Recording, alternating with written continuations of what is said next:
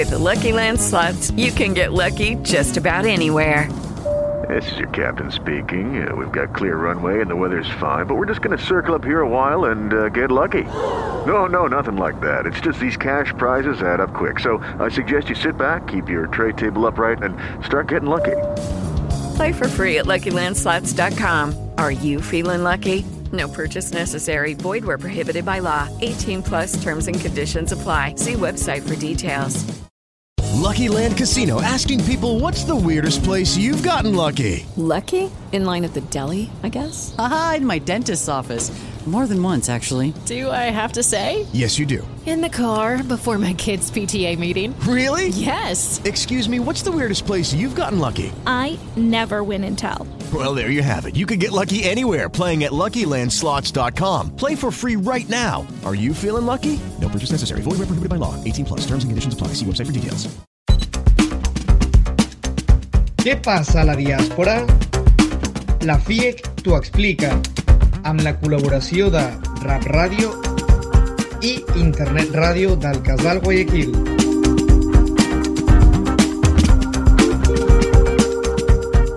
Benvinguts una, a un nou programa de la FIEC t'ho explica. Aquest programa que fem a Radio Amèrica Barcelona i que volem posar en contacte doncs, les coses que fem als casals que estem a la resta del món, la diàspora catalana que se'n diu. Roser, des de Brussel·les, com estàs? Hola, Roger, com estem? Bé, aquí ja comença a fer fred, no sé, a casa teva.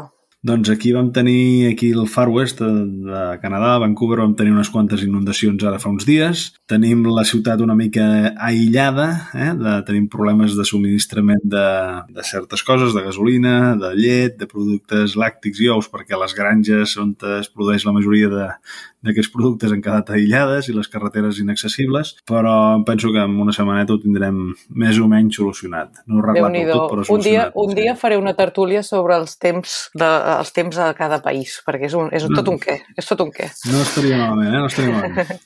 en tot cas, per aquesta setmana, per aquesta setmana encara no hem, no hem fet una tertúlia sobre el temps, però aquesta setmana us portem una cosa molt quotidiana, que és uh, com tenir fills a l'exterior. Una cosa que pot semblar molt quotidiana, però que, però que Déu-n'hi-do. Roger, tu que ets pare, segur que, segur que tens créixer, alguna cosa a dir. Fer-los créixer sense l'ajut també de família o sense alguna referència que tinguis a prop és molt, molt, molt complicat a vegades. I però tant. la gent se n'en surt, eh? La gent se n'en surt. Home, Hi ha llocs més fàcils que altres, llocs on el sistema de guarderies o de llar d'infants eh, no funcionen massa bé, tot i que estan bé, però el, el número de places és petit. Hi ha gent aquí, per exemple, que té molts problemes en aquest sentit però a la tertúlia mm -hmm. segurament això ho debatreu bastant, no?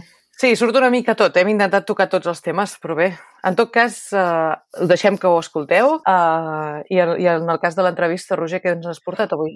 Doncs l'entrevista seguim amb aquesta, amb aquesta tardor, que busco gent que no hagi nascut a Catalunya i que parli català, però que no tingui el català com a llengua materna. Uh -huh. I en aquesta ocasió tenim una coneguda, una és una cara coneguda a la política catalana també, la Rosario Palomino, que uh -huh. és la, doncs, la impulsora d'aquest eslògan de no em canvis la llengua, uh -huh. i és interessant, diu alguna cosa que, que és bastant interessant.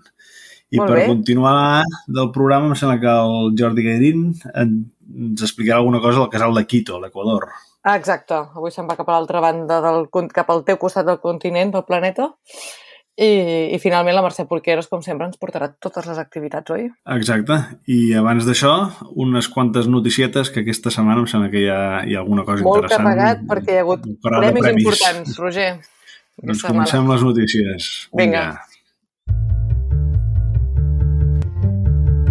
Doncs, efectivament, hi ha hagut el lliurament dels Premis Batista Roca i dels Premis FIEC 2021.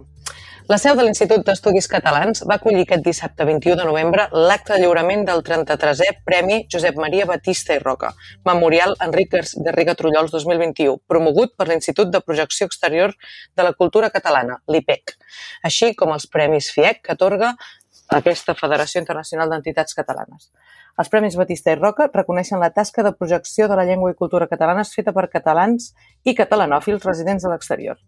Els guardonats van ser en Santiago Barreiro, Barreiro i, la Neve, i la Nieves Tosset del Casal Català de, de Guayaquil, en Valentí Canadell del Casal Català de Luxemburg, del Centre Català de Luxemburg, perdó, en Gustavo Alberto González Capdevila del Casal Català de Rosario, en Hatem Jad de Beirut, en Ferran Huidobro Casamitjana de Budapest, en Quim Miró de Sant Lluís, l'Andrea Nayeli Ruiz Garcia de Guadalajara, Dan Nusell de Göteborg, l'Adriana Rodríguez de Mallol del Casal de Catalunya de Buenos Aires i l'Helena San José Almoacid del Casal Català de Brussel·les. A tots ells, la més sincera enhorabona des d'aquí.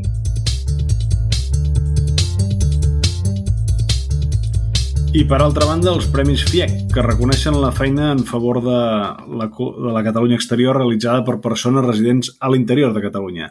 En aquest, aquest enguany es van otorgar a, al cap de 8 anys, eh, feia 8 anys que no s'otorgaven, i els guardonats van ser el periodista i fundador d'aquesta casa, en Germà Capdevila i Bernet, eh, de Ràdio Amèrica Barcelona, i en Daniel Jimeno, qui va ser el responsable dels casals catalans a l'exterior des del Departament d'Acció Exterior del Govern.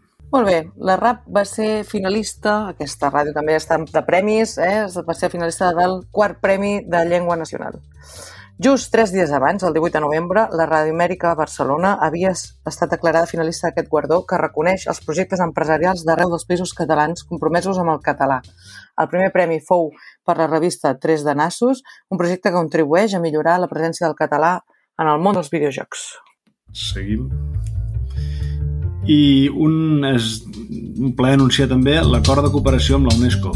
El president de la Generalitat de Catalunya, Pere Aragonès, ha signat aquest divendres 19 de novembre a París l'acord de cooperació entre Catalunya i la UNESCO, juntament amb la directora general d'aquest organisme internacional, Audrey Azoulay, eh, per el període del 2021 al 2025 i li van, van acompanyar el, el president, la consellera d'Acció Exterior, Victòria Alzina, i el delegat del govern català a França, Daniel Camó.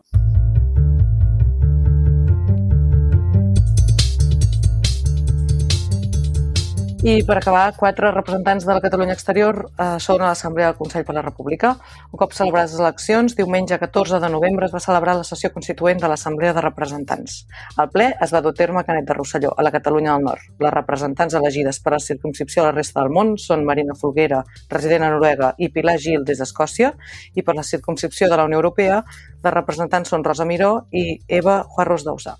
Doncs molt bé, fins aquí les notícies. Hem tingut alguna mica de problema tècnic amb la musiqueta, però esperem que les notícies us hagin arribat. Això, que és l'important. Comencem el programa. Som-hi. Som-hi.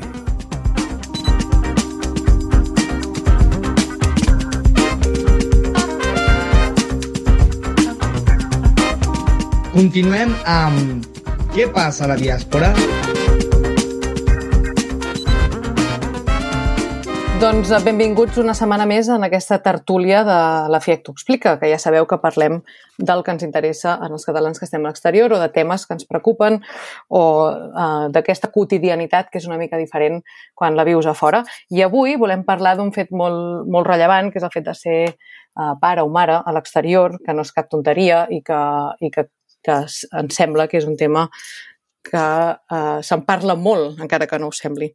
I per això hem convidat gent avui sí, de tot el món. La Noemí des de l'Índia, l'Eva des de Vancouver, l'Aitor des de Brasil i la Carla des de Brussel·les. Bon dia, bona tarda i bona nit a tots.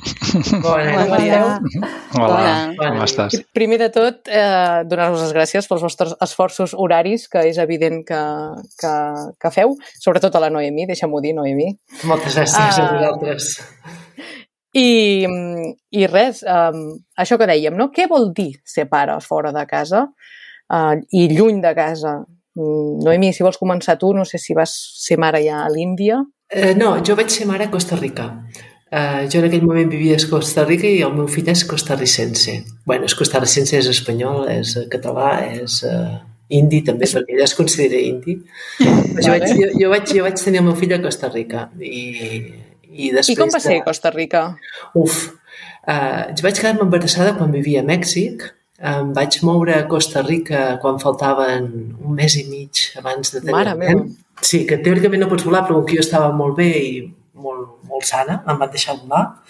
Mm. I vaig arribar, vaig arribar a Costa Rica i, i vaig haver de buscar un ginecòleg. I el primer que em va dir va ser, diu, uh, ho farem per cesària. I dic, home, dic, no, dic, mirem de fer-ho de manera una mica més natural. I va, va ser la meva primera lluita. Vaig canviar de ginecòleg una setmana abans de tenir el fill. Sí.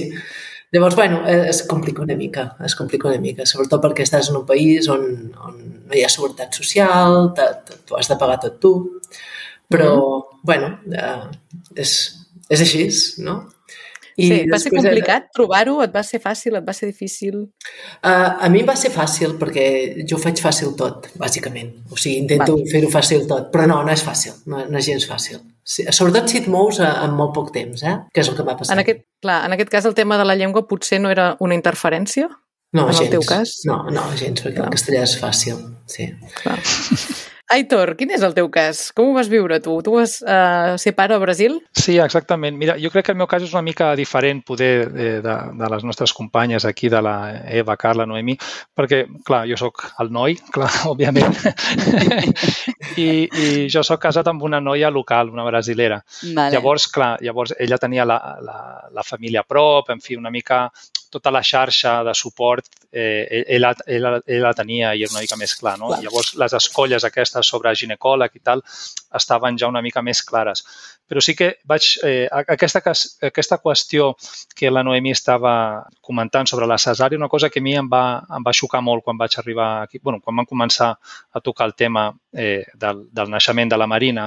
Eh, això de, de la cesària aquí és una pràctica, diguem, normal per dir-ho d'alguna manera, eh? perquè entenguis el servei, el servei públic de salut al Brasil, que en fi és infeliçment una catàstrofe, eh, 90% dels parts són naturals i 10% són cesàries, que és el habitual, diguem, no? En el servei privat, que és vull dir, on ens movem, eh, 90% dels parts són per cesària. Eh, wow. I això per, per, per una sèrie de circumstàncies. Les dones moltes vegades volen fer-s'ho fàcil, mm. eh, llavors diuen, per què haig de patir? Ja vinga, entrem una mica tal. I després això és un negoci també. I llavors, moltes vegades els metges eh, s'estimen més facturar 20.000 euros per una operació que facturar 3.000 per un part, que poder mm. eh, pot estendre's per 10 hores. brasileny que m'ho va, va explicar i vaig al·lucinar.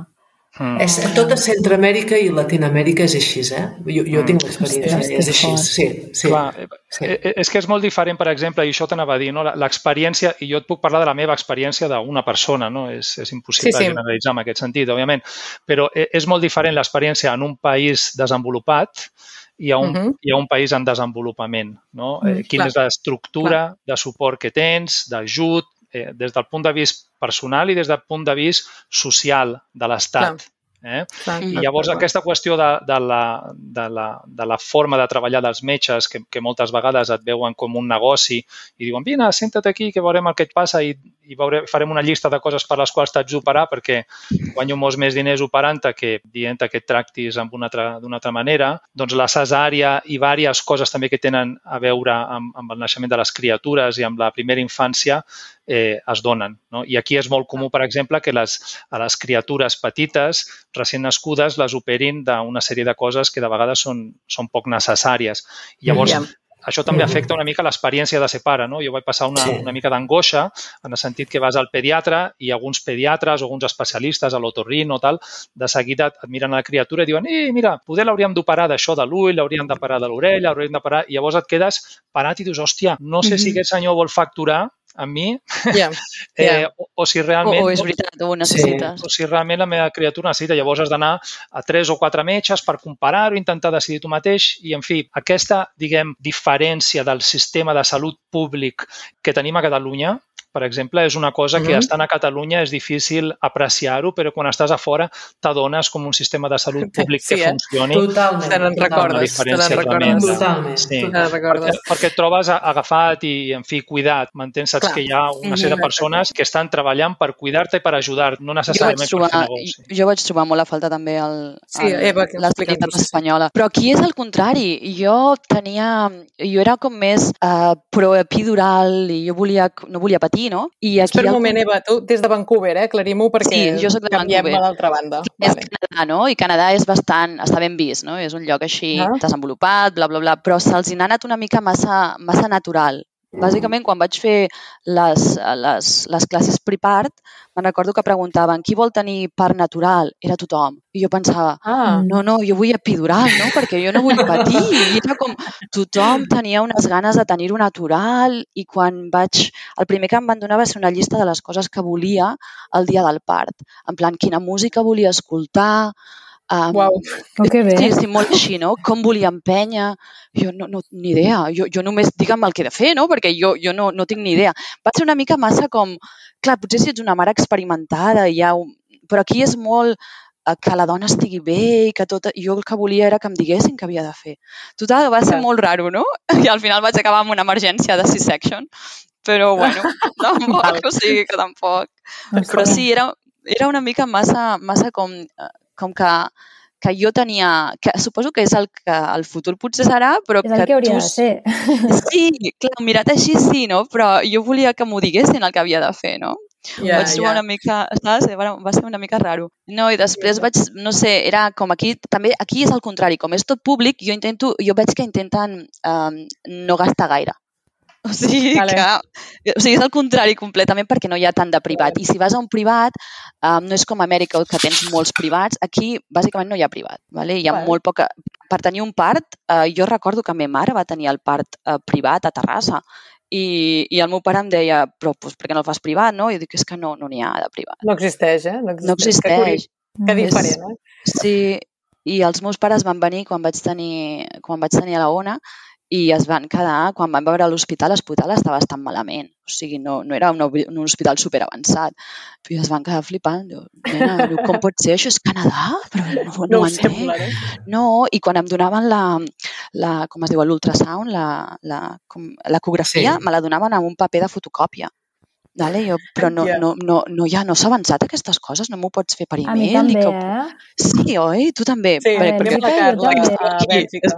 Deu ser el mateix que nosaltres, llavors els És avançats. bastant similar. Eh, Sí. sí. sí, clar, jo no en tenia ni idea de, de, del panorama d'arreu del món, però sí que tenia referents a Catalunya i llavors anava comparant. Uh, jo estic bastant contenta amb, amb com va anar tot el procés a Bèlgica. Sí que és veritat que hi ha una mica bastant de més tendència a no, no recomanar, però sinó dir-te doncs, que, que hi ha moltes més opcions més enllà de l'epidural. Val? Que, bueno, jo, jo ho, ho vaig apreciar, però a la que les contraccions van estar en el seu Clar. punt màxim vaig dir epidural directe. Claro. Però, mm, però sí que és veritat que hi ha més com aquesta tendència i una altra cosa que, i, que bueno, vaig llegir abans i, i també ho, jo ho he vist és que són menys intervencionistes, eh, sobretot comparat amb, amb Catalunya i, i bueno, la resta ja no sé. Però, però pel que sé de, de matrones que, que han- s'han format al Regne Unit i treballen a Catalunya, eh, perdó, llevadores, um, sí que és veritat que, que aquí a Bèlgica són una mica menys intervencionistes. Uh, també és veritat que el sistema és molt diferent perquè és, és com una espècie de copagament, o sigui, tu pagues una, una mutuel, una mútua i que potser són uns 10 o 12 euros al mes. És un sistema més com, com el francès o, o l'alemany. I, I llavors tu pots triar si vas a un hospital públic o a un privat i, i en el públic no pagues res perquè ja pagues la mútua, però a més a més hi ha mútues de, o sigui, hi ha assegurances d'hospitalització privada, etc. Que això normalment el teu contracte de feina t'ho cobreix. Llavors tot això per mi també era molt nou perquè jo no entenia perquè en un hospital que en principi és públic, una habitació normal, eh, bueno, normal no, però si vols una habitació eh, individual, doncs et costa 100 i pico euros la nit, no? És com un, anar a un hotel. Llavors, clar, això és molt diferent a, a, a la pública de Catalunya, perquè no, no tens aquestes opcions, o sigui, és simplement el que et donen. Però, bueno, tot i així vaig estar... Bueno, la- l'experiència va ser prou bona i, i sí que, bueno, en tot moment, doncs, bueno, vaig tenir la sort que el, el ginecòleg de guàrdia era el meu ginecòleg i era és sud-americà, de fet, i, i això em va anar molt bé. Bueno, estàvem allà amb tots els idiomes, eh? entre les llevadores que parlaven francès, el, el, el ginecòleg en castellà, la meva parella que és anglesa, bueno, era, va ser interessant. Sí, la ONU. Està bé. La ONU Sí, sí, sí. Clar, això és un, un, tot un tema també, no? El tema de la llengua, que vosaltres eh, no us heu trobat tots, però que és un tema que segurament molta gent sí que s'hi ha trobat, no? Parlem de, de què passa després, perquè eh, arriba la criatura i, i, i, i llavors què, Noemí? Què, què va passar llavors? Et, un- tu te'n vas a l'Índia. Però... No, no, eh, bueno, arriba la criatura i jo, jo, jo vaig tenir el fill el divendres perquè em van, em van donar com unes pastilles perquè el tingués així ràpid, perquè al final no vaig pas aconseguir cap doctor que em volgués fer-ho de, de manera natural, i vaig dir, jo el dilluns vaig a la feina. És que jo no vaig fer ni classes de parts ni res, eh? Jo pensava que això de tenir fills era una cosa com... És natural. Com qui fa l'esmorzar. Com qui fa l'esmorzar al matí i després continua la seva vida. I bueno, em va caure una que no vegis, perquè clar, Clar, jo el dilluns eh, eh, portava els talls aquí baix. Bueno, és que era un desastre. I, i jo no vaig poder anar a treballar fins al cap d'un mes i mig. Jo estava desesperada. I no tenia els meus pares, eh, la meva parella era igual de, de verd que jo.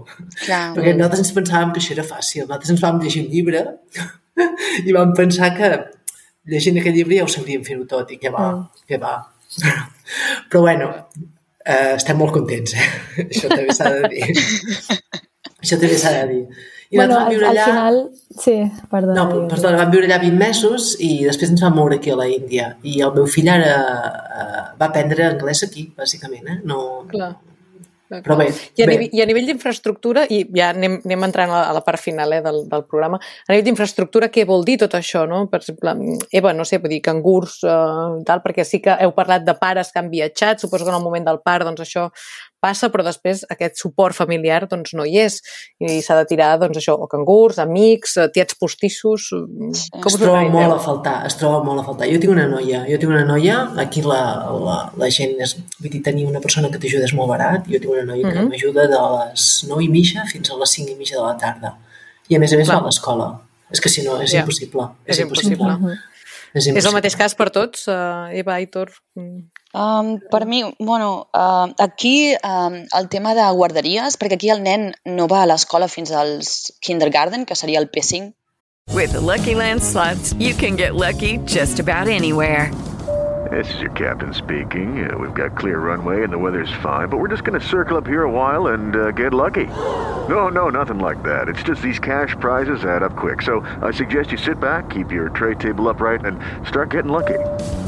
Play for free at LuckyLandSlots.com. Are you feeling lucky? No purchase necessary. Void where prohibited by law. 18 plus terms and conditions apply. See website for details. O sigui, que no va a l'escola i Sí. no, és, no, és, no sé si és el mateix allà, però no, el, el que sigui P2, P3, tot això, o guarderia, ha de ser pagat per la, pels pares, no? Sí. I, i llavors um, és molt difícil d'entrar-hi.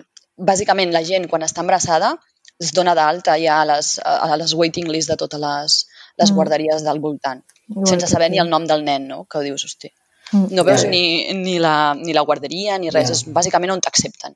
I hi ha molt de, moltes, moltes guarderies que sí són license, moltes que són unlicensed, gent a casa que es munta la guarderia. És una mica, ho vaig trobar com molt, eh, com molt difícil de saber on posar la ona, saps? És a... Però al final, al final em van donar un lloc, perquè a més jo tenia com una, um, que tens 12 mesos de, de maternity leave, no? O sigui, 12 mesos que estava a casa. Molt bé. I Ah, record... Sí, et Uau. donen 12 mesos. Ara em sembla que ho han canviat a 18 mesos. Ah, Compartit uau. amb el... amb, amb, amb sou complet? No, la No. companyia et dona el seu complet durant 4 mesos, o depèn de, de l'empresa, i després tens... Em sembla que tens un... Depèn del teu salari, tens com arribes a un màxim Mhm. que et poden donar. Mm. No, no, no, és, no és complet, no. És com, és com, un, com un atur, bàsicament. Ja. Mhm. vale? Sí. durant els últims vuit mesos. Però, bueno, va bé, no? El que passa que vaig haver de... de pel, pel tema de guarderia em van donar plaça molt, més, molt abans, quan la Ona tenia 10 mesos, i vaig haver d'estar pagant 10, 11, 12 mesos sense anar-hi. Però, bueno, Mhm. només per tenir la plaça. Déu-n'hi-do, déu nhi déu Ja. Aitor i Carla, molt ràpidament, teniu un minut cadascú per explicar la vostra experiència. Sí, aquí a Ai, Brasil, perdona. a- a- aquí a Brasil el normal és que les persones agafin algú per ajudar a casa i, i, i hi ha una cultura molt de terciaritzar el cuidat de, de les criatures de primera infància.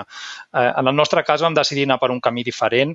Eh, la meva dona, la Carolina, tenia quatre mesos de, de llicència de maternitat i, en fi, mentre estava encara embarassada va decidir deixar la feina i dedicar-se completament a la criatura durant els primers bé. anys i es va passar dos anys dedicada a, a la Marina. No? Llavors va ser una oportunitat molt bona per, tot, per tots tres, de Mhm. fet. Mhm. Eh, de la meva banda jo tenia 15 dies i em vaig prendre una Oh. mica per força un mes sencer perquè, en fi, en 15 dies no... és No vas enlloc, insuficient, està clar que no vas enlloc. Però va ser una mica una guerra perquè aquí l'estàndard són, són 15 dies i ningú espera que els homes eh, s'impliquin massa amb el cuidat Ja. de les criatures de primera Clar. infància. Carla, molt ràpidament. Sí, bueno, bàsicament uh, bastant similar al Canadà pel que veig, amb algunes coses i, bueno, sí, jo tinc, al final vam decidir agafar una noia que ve unes hores a la setmana um, i, i hi ha la baixa materna, de maternitat de 4 mesos i també hi ha un, un, una, un congé parental que es diu que tenen tant el pare com la mare i són uns 4 mesos a, amb un sou molt baix, uns 800 euros al mes, per, fins que el nen té 12 anys que te'ls pots agafar com vulguis. Llavors, bueno, doncs he Molt fet una, una combinació de, de baixa de maternitat i dos mesos d'aquests. Suposo que tot és anar fent equilibris, no? Al final suposo que estareu d'acord. Jo crec que les conclusions Sí. serien que, que la sanitat catalana està més bé del que es pensen els de l'interior, oi? I que, I tant. i que després Sí, sí. S'han de fer molts equilibris uh, per, per sobreviure o viure així a, a l'exterior. Em sap molt de greu perquè hagués pogut ser molt més llarg que això, però us tornaré a convidar un altre dia. Ho farem així i continuarem parlant. Moltes gràcies a tots quatre Moltes gràcies, A tu, Roser. Gràcies a Roser. tu, Roser. Gràcies a tu. i fins a propera. I nosaltres us deixem amb l'entrevista que ens porta cada setmana en Roger i us esperem d'aquí 15 dies un altre cop a la FIAC t'ho explica. Adeu!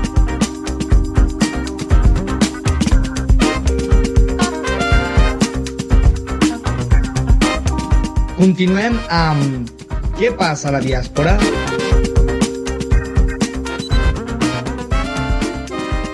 La Rosario Palomino Otiniano va néixer al Perú i actualment viu a Catalunya. Psicòloga de formació, sense oblidar les seves arrels americanes, ella mateixa es defineix com una catalana nascuda al Perú. I com a activista per la llengua, darrerament ha impulsat i és la cara visible de l'eslògan No em canvis de llengua. Rosario Palomino, com estàs? Molt bé, moltes gràcies, molt honorada per la, per la teva entrevista. Doncs la raó per la qual t'he contactat per fer-te aquesta entrevista és perquè estic buscant gent que no hagi nascut a Catalunya, que no hagi crescut amb el català com la seva llengua materna i que doncs, l'hagi pres de gran, que m'expliqueu la vostra experiència. Hem tingut aquí que, gent mexicana, hem tingut aquí gent canadenca, d'aquí 15 dies segurament tindrem una persona de Tailàndia que viu a Alemanya, però tu ets un exemple doncs, de que has vingut a viure a Catalunya i que ens pots parlar tant de l'aprenentatge de la llengua com de la teva, el teu activisme per la llengua també i a més a més de l'experiència teva com a, com a immigrant americana a Catalunya. M'agradaria començar amb quin, quin és el teu background, quin és el teu fons de... Quantes llengües parles o coneixes? A veure, eh, jo mm, vaig parlar, vaig començar parlant en la meva infantesa el castellà, tot i que alguna vegada havia sentit algo de quichua, eh, Quichua, però... que són llengües indígenes, no? Exacte. Però el meu pare doncs, mm, va decidir no ensenyar-nos el quichua a cap dels quatre fills perquè eh, la imatge, el, diguem-ne, la idea que es té del quichua és eh, eh, negativa, no? És, eh, té una connotació eh, de pobresa, de eh, gairebé analfabetisme, de gent que viu a, a les, eh, als Andes i, i, per tant, no cal aprendre aquesta llengua. Jo vaig eh, viure un any a Oxford, vaig eh, aprendre l'anglès, eh, vaig aprendre el francès eh, una,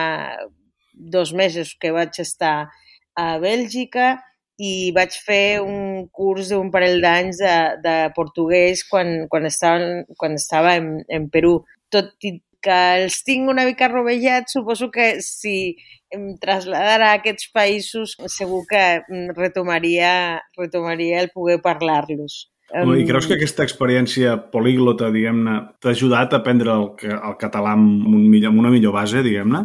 Sí, sí, de fet, jo crec que aquesta, diguem-ne, aquesta estimació per les llengües que l'he tingut des de molt joveneta em va facilitar el que quan jo arribo aquí a Barcelona com turista i sento el català, doncs ho trobo amb absoluta normalitat i quan decideixo quedar-me a estudiar aquí a Barcelona, en la Universitat de Barcelona, a continuar els meus estudis de psicologia, eh, per mi era absolutament normal és, eh, fer les classes en català prendre els apunts que podia del mm -hmm. que tenia i després el que feia era demanar els apunts dels meus companys que eh, els agafaven en castellà i completava els, els, els meus apunts. Mica en mica ho anava fent fins que quan vaig acabar la carrera ja gairebé no calia demanar apunts d'altres companys perquè ja havia après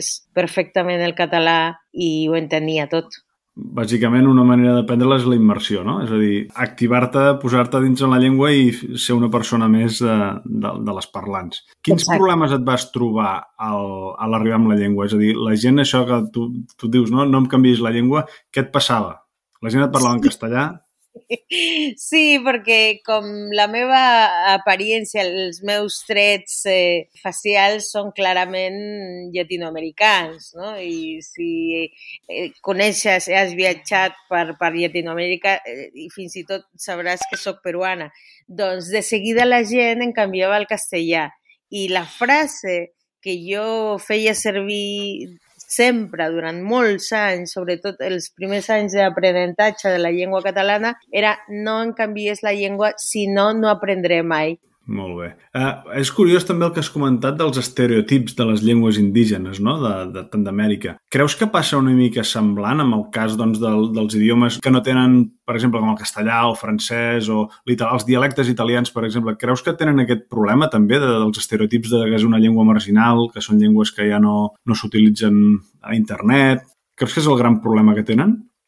With the Lucky Land slots, you can get lucky just about anywhere. This is your captain speaking. Uh, we've got clear runway and the weather's fine, but we're just going to circle up here a while and uh, get lucky. No, no, nothing like that. It's just these cash prizes add up quick. So I suggest you sit back, keep your tray table upright, and start getting lucky. Play for free at LuckyLandSlots.com. Are you feeling lucky? No purchase necessary. Void where prohibited by law. 18 plus terms and conditions apply. See website for details. La, la meva hipòtesi passa a ser teoria. És a dir, estic convençuda que són maltractades, que són menys tingudes, que són...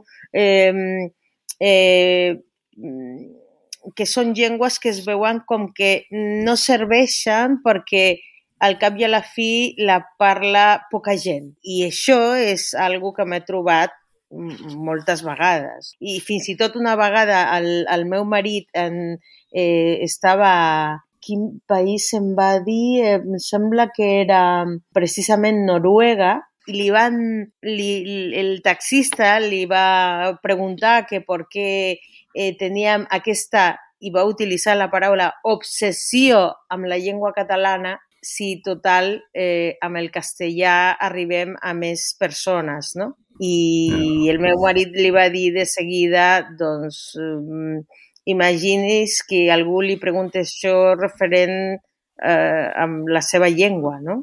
Amb el noruec. Eh, sí, vostè què contestaria, no? Ara volia canviar una mica de tema. Deixem la llengua a part, però sempre sempre la tindrem, la tindrem aquí és la relació, la, estem a la RAP, Ràdio Amèrica Barcelona, per tant, un dels objectius també d'aquest programa i de la ràdio també és mirar la, els lligams que tenim Catalunya-Amèrica, no?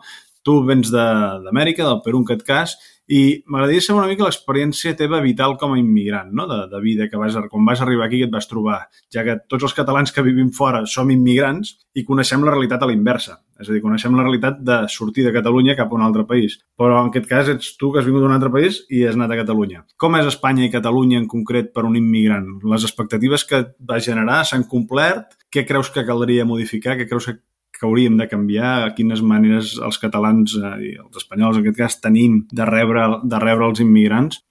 Jo tenia una imatge de que venia al primer món, que em trobaria gent supereducada, o sigui, grau, utilitzaré molt la, la paraula super perquè vivia, o les meves expectatives eren com en grau superlatiu, eh, que em trobaria gent supereducada, gent superculta, gent... O sigui, era com, com venia... El el, sí, gairebé era el, el paraíso, de, de, el paradís de, de la ciència, del diàleg, que, que, que de la música, de, o sigui, per mi era espectacular a, a on venia, no? Les meves expectatives eren extremadament eh, elevades i em vaig trobar amb el temps eh, amb dos nacions diferents, eh, Espanya i, i Catalunya,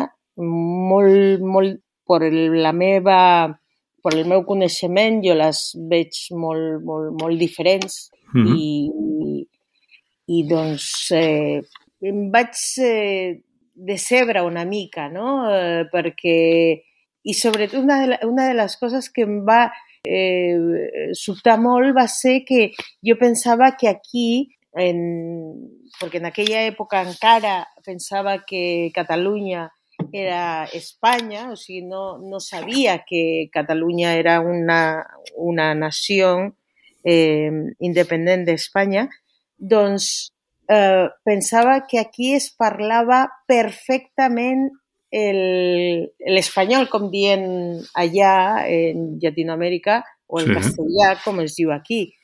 I mm, me'n vaig adonar que en tota Llatinoamèrica en general eh, parlem molt millor eh, el castellà que fins i tot que, que la resta d'Espanya. Creus que el castellà que Espanya ha tingut uns, uns inputs, unes, una evolució més diferent, diguem-ne, en termes de conservar una llengua eh, medieval o...? Sí, sí, sí, o sigui que jo crec que si mm, vols eh, aprendre el castellà t'has d'anar a Llatinoamèrica, perquè en Llatinoamèrica en castellà o l'espanyol, com diem en Llatinoamèrica, no? Mm -hmm. uh, T'has d'anar a um, qualsevol país llatinoamericà, perquè aquí en Espanya es parla malament, destrossen la seva llengua. També, també això ho diuen, ens ho diuen ara actualment experts lingüistes amb el català, que l'estem que quan la parlem no la parlem correctament i que per tant estem destrossant. Una pregunta que m'ha vingut ara mentre em parlaves d'això, uh, Tu, tu has trobat el, el castellà de, o l'espanyol de, de Sud-amèrica, has trobat influència del català, ara que coneixes les dues llengües? Creus que hi ha vocabulari que va ser introduït doncs, per, per, per la immigració de catalans a Amèrica? Sí, sé d'algunes paraules que són catalanes, però ara mateix no sabria dir-te exactament quines són. Però sé que hi ha algunes, per exemple, el guaita, que és eh, com observar més atentament, diguem-ne, doncs això és, és un, diria, bueno, jo vaig, no, va ser al revés, jo crec que és una paraula que és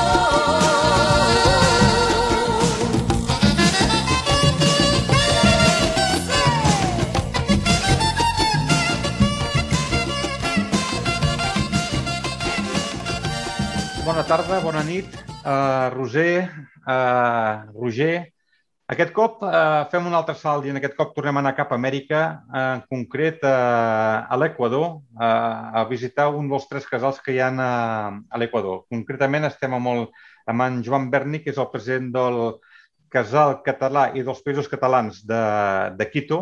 Uh, què tal, Joan? Com estàs? Molt bé, uh, Jordi, molt bé. Gràcies per aquesta invitació i si ens donem a conèixer no? amb els altres casals.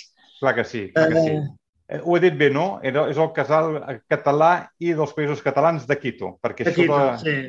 Com, com és que, que, que teniu aquest nom així tan llarg?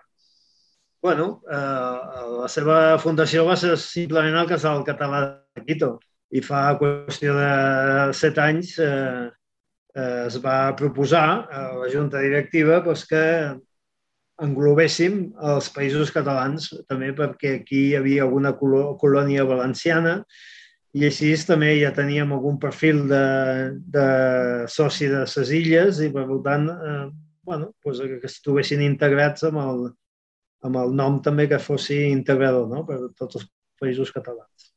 Molt bé, molt bé. Inclús, Escolta, inclús algun soci de la Catalunya Nord havíem tingut, sí, també. Molt bé, molt bé. Escolta'm, Joan, eh, vosaltres us veu, us veu constituir, eh, pel que he vist a la vostra pàgina web, un Sant Jaume de l'any 87, eh? Em sembla 25 de juliol de l'any 87. El, 20, el 25 de juliol sí, de, de l'any 87 és, és l'any que oficialment el govern de l'Equador ens va reconèixer a través del Ministeri d'Inclusió social. No? Eh, el casal de tota esmena ja, ja existia d'uns quants anys abans, el que no és reconegut. Aquesta data és la data de reconeixement com a associació en la República d'Equador.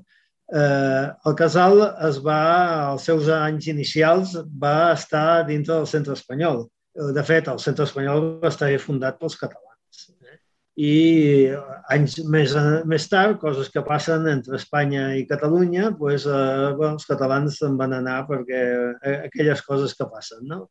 Hoy habla en, en, habla en cristiano, no? per tant, eh? i ens en vam anar a una seu eh, d'un dels socis fundadors eh, al nord de, de una, amb una indústria que tenia la família del Mau.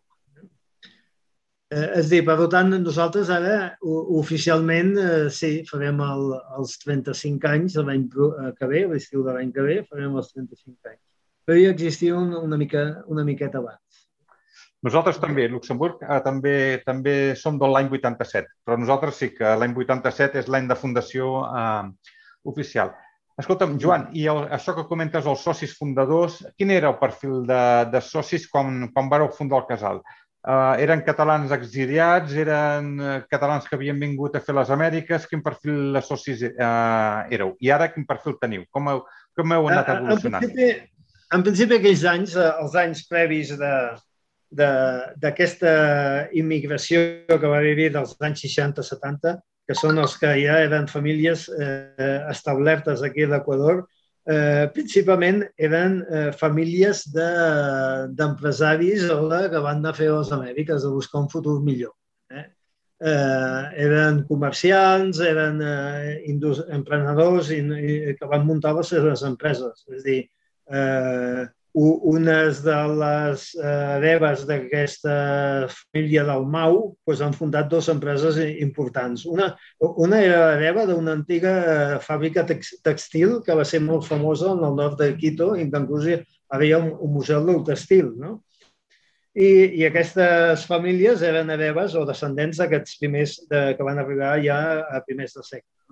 Aquesta migració fundadora és ja de la segona, per dir, generació dels anys 60-70 i el van, es van anar juntant i l'any 80 bueno, es va constituir, es va construir l'inici d'aquest uh, i, bàsicament no és que hi haguessin uh, refugiats polítics ni d'ells de la Segona Guerra Civil com ha passat en altres zones d'Amèrica, com a Mèxic i Argentina principalment, sinó que aquí eren més eh, aquest perfil d'emprenedors o buscaven les Amèriques un, nou, un futur millor. Ara, ara tenim una composició més transversal. Evidentment, eh, hi ha catalans, eh, catalans eh, casats eh, i famílies mixtes amb equatorians i, eh, i eh, també pues, nou, nou retornats d'aquesta onada que va anar eh, que va emigrar a l'inici del segle, a finals del segle passat i inicis d'aquest segle, va emigrar a Espanya, va retornar i van estar en contacte amb Catalunya. I, bueno, per seguir mantenint aquest contacte i cultura catalana, doncs, participen i són socis del casal. Eh? És una mica també de, de aquesta migració d'aquests últims anys eh, és més una immigració també de, de, d'estudiants, de col·laboradors amb, amb ONGs, amb, amb, amb un esperit ja social de, de cooperants i que també hem vingut a fer algunes mestres, màsters, maestries, postgraus i alguns estudis de, amb, amb la maçonia o amb el, amb el tipus de cultura ètnica d'aquí de l'Equador. No? Mm -hmm. I, i quin... perfil d'aquest tipus. I quants socis teniu ara, més o menys? Ens estem movent sobre els 100, 100 socis. Eh? És a dir, que oscil·la entre els 80, 100, una cosa, una, una cosa així. Eh?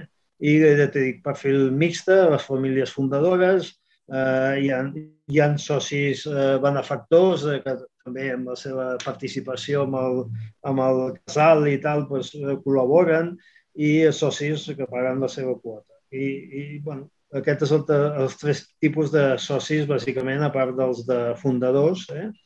eh que aquests ho són ja de per ser, i, i van, eh, bueno, eh, participen de totes les activitats que fem aquí. Bàsicament, les, les principals són les festes tradicionals, com a tot arreu, i després tenim eh, com a potents, com a potents el, el, cinema, el cinema en català, que ho, fèiem, ho fem amb la pandèmia s'ha fet online, però ho fèiem a la, a la Casa de la Cultura i la Cinemateca Ulisses Estrella.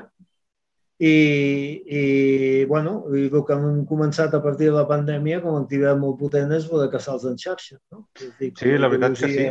La veritat que tant casals en xarxa com el xocolata i contes és un gran èxit, un, un gran èxit per, per part vostra. Uh, entès com una...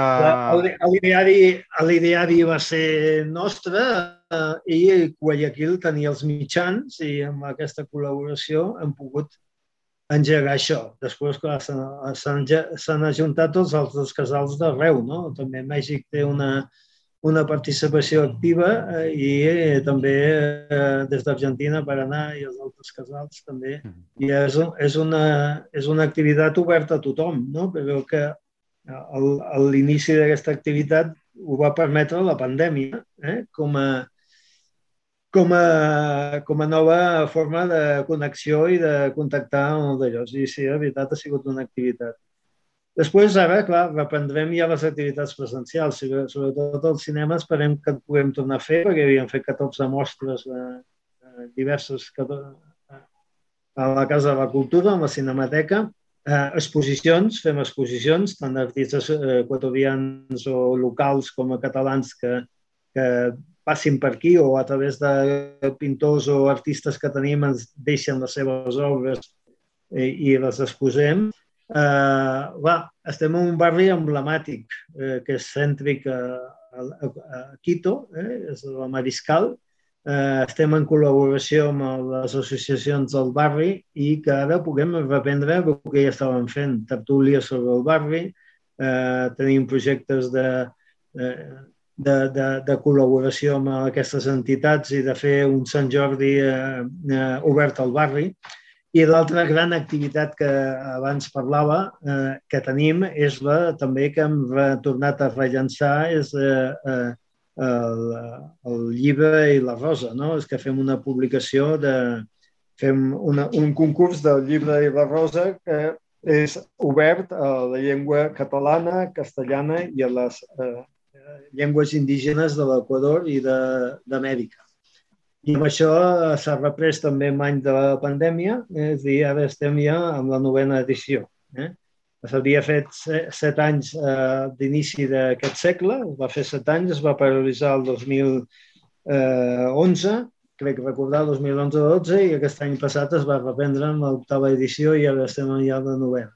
I amb molt això bé, es fa una publicació, una publicació eh, online, dic, oberta, eh, digital, farem un llibre digital, ho fem, un llibre digital, i bueno, aquestes principalment són les activitats, i com dic, eh, oberta a tot el que són festes tradicionals, des de les eh, castanyades i Nadals, eh, 11 Sant Jordi, 11 de setembre, etc etc, com fem quasi tots. No? Doncs molt bé, Joan. Escolta'm, ja gairebé ens hem polit el, el, el temps. L'última pregunta, i així és una miqueta breu, breument. Cap a on creus que anem tots plegats? Home, el, el, tema, el tema dels casals és que eh, la, eh, mantindre aquests casals eh, avui cada vegada és més difícil i ja ho saps que la Generalitat cada vegada ens ho posa més difícil per mantindre unes seus obertes amb activitat i, perquè l'associacionisme, a pesar que puguem tindre aquest número de socis, l'associacionisme arreu del món va va de baixa. És dir, costa molt que la gent s'impliqui, que, eh, eh, que col·labori.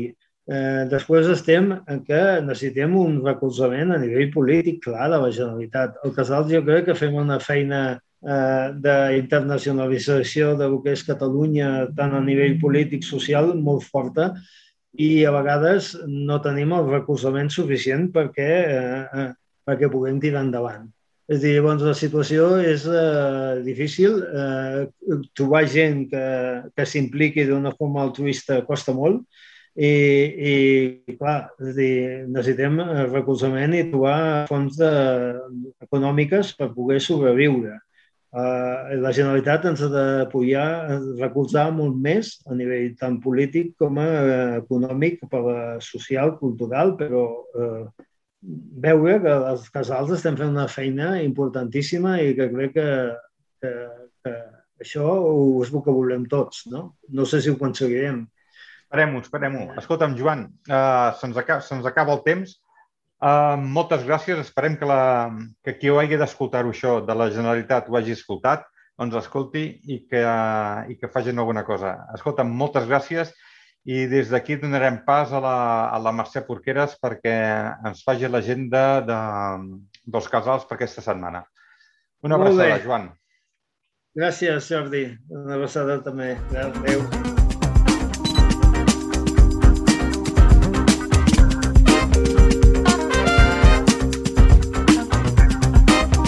Continuem amb Què passa a la diàspora?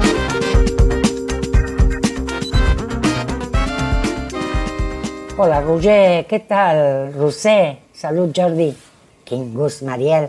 Bon temps, amics i amigues. Què us sembla? Ens donem un tom que els casals de Reu proposen activitats molt interessants. Abans de començar, però, cal dir-vos que totes les activitats programades compten el protocol i les recomanacions Covid-19 ja sabem, anem amb cura. Molts casals i centres d'Europa i d'Amèrica van celebrar dies passats la castanyada i van poder gaudir de tallers de panellets a tot arreu. Va ser un temps molt dolç. Ara comencem a preparar-nos per fer cagar el tio. El casal català de Stuttgart informa que divendres dia 26 a dos quarts de set del vespre celebrarà l'assemblea de socis i després farà una trobada mensual a més a més, ha engegat una activitat molt interessant, passejada per Stuttgart, comentada en català. És un cop al mes i permetrà descobrir una part de la ciutat recorrent carrers coneguts, si no tant, i amb la seva amiga Roser els explicarà curiositats per conèixer millor la nostra ciutat adoptiva. En acabar la passejada, dinar plegats. Per participar-hi, apunteu-vos, sisplau, al doodle.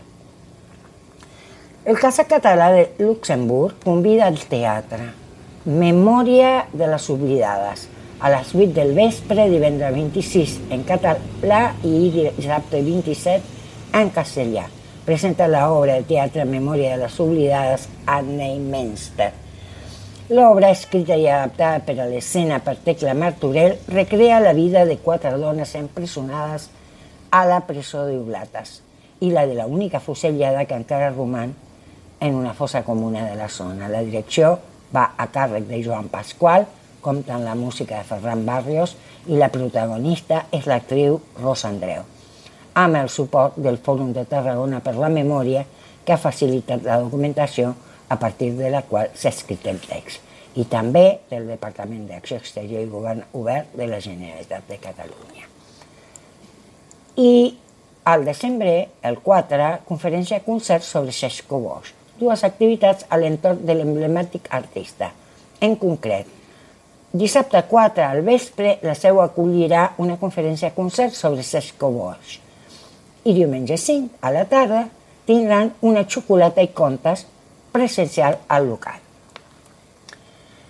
Ara ens n'anem més lluny, perquè el Centre Català de Kansai, Osaka, Japó, ofereix Nadal per infants el 4 de desembre a la una de la tarda japonesa. Farà taller per fer diferents cares del tió, dinar i berenar, faran cara al tió i, a més a més, concert de Nadal. I ara, si us ve de gust, creuem l'oceà. El Centre Català de Rosario participa de col·lectivitats 2021, que ha començat la festa amb plats típics a les seus i pel Covid, també amb delivery, i un festival davant el monument on hi haurà danses tradicionals catalanes al Parc Nacional de la Bandera. El Casal de Catalunya de Buenos Aires continua amb el curs del franquismo en Catalunya, modalitat virtual en castellà.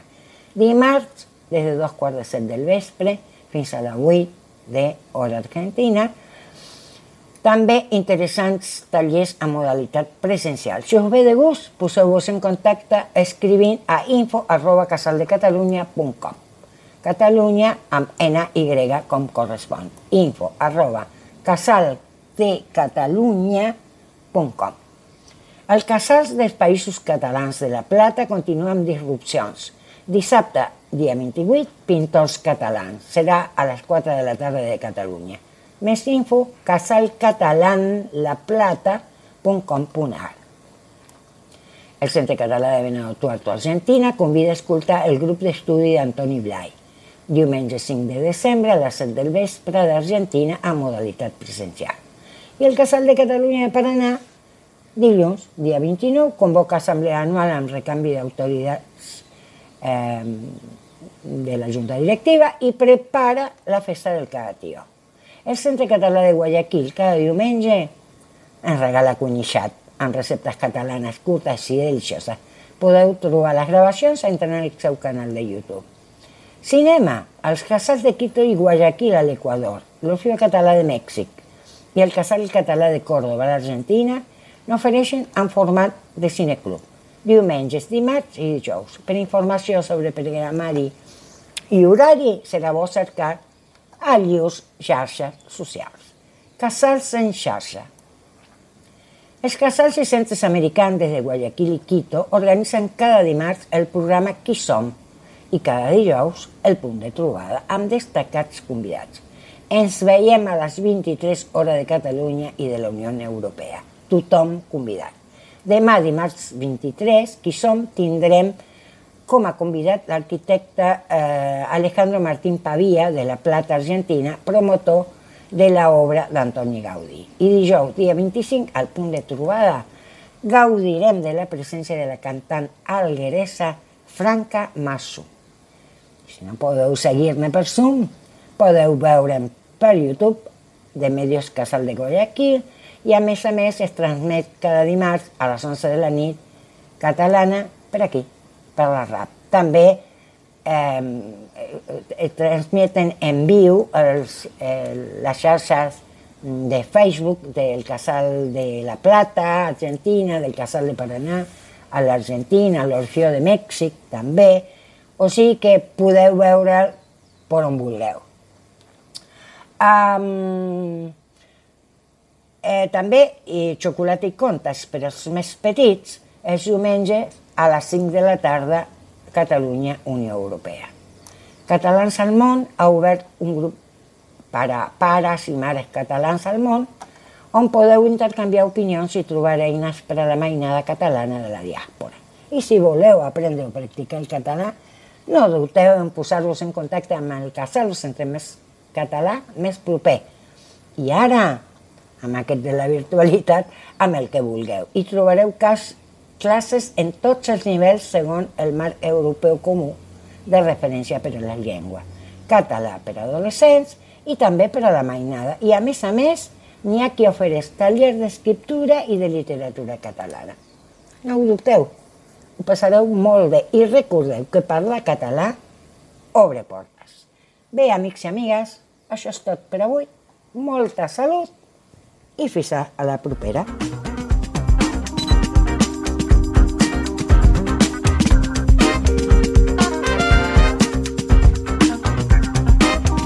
Continuem amb Què passa a la diàspora?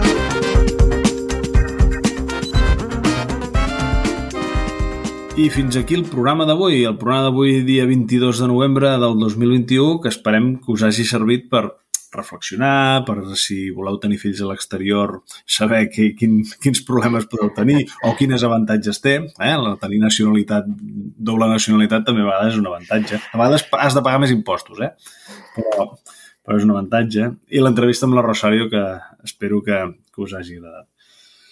També el casal, els casals, que aquesta contagotes de casals crec que és molt interessant que fan Jordi, que els estem coneixent, encara que sigui una miqueta. I totes aquestes activitats que sempre ens porta la Mercè, uh, que és molt interessant, que mostren aquesta, aquesta vivacitat no?, que hi ha al món. Uh, fins aquí, no, Roger? No ens enrotllem més, no? No ens enrotllem més. Va. Us esperem d'aquí 15 dies sí. i salut. Sí. Agrair-li també a en Cristian Costa les notícies i a la RAP per acollir-nos. Fins la setmana, fins aquí 15 dies. Això va ser Què passa a la diàspora? Un programa de la FIEC amb la col·laboració de Rap Ràdio i Internet Ràdio del Casal Guayaquil.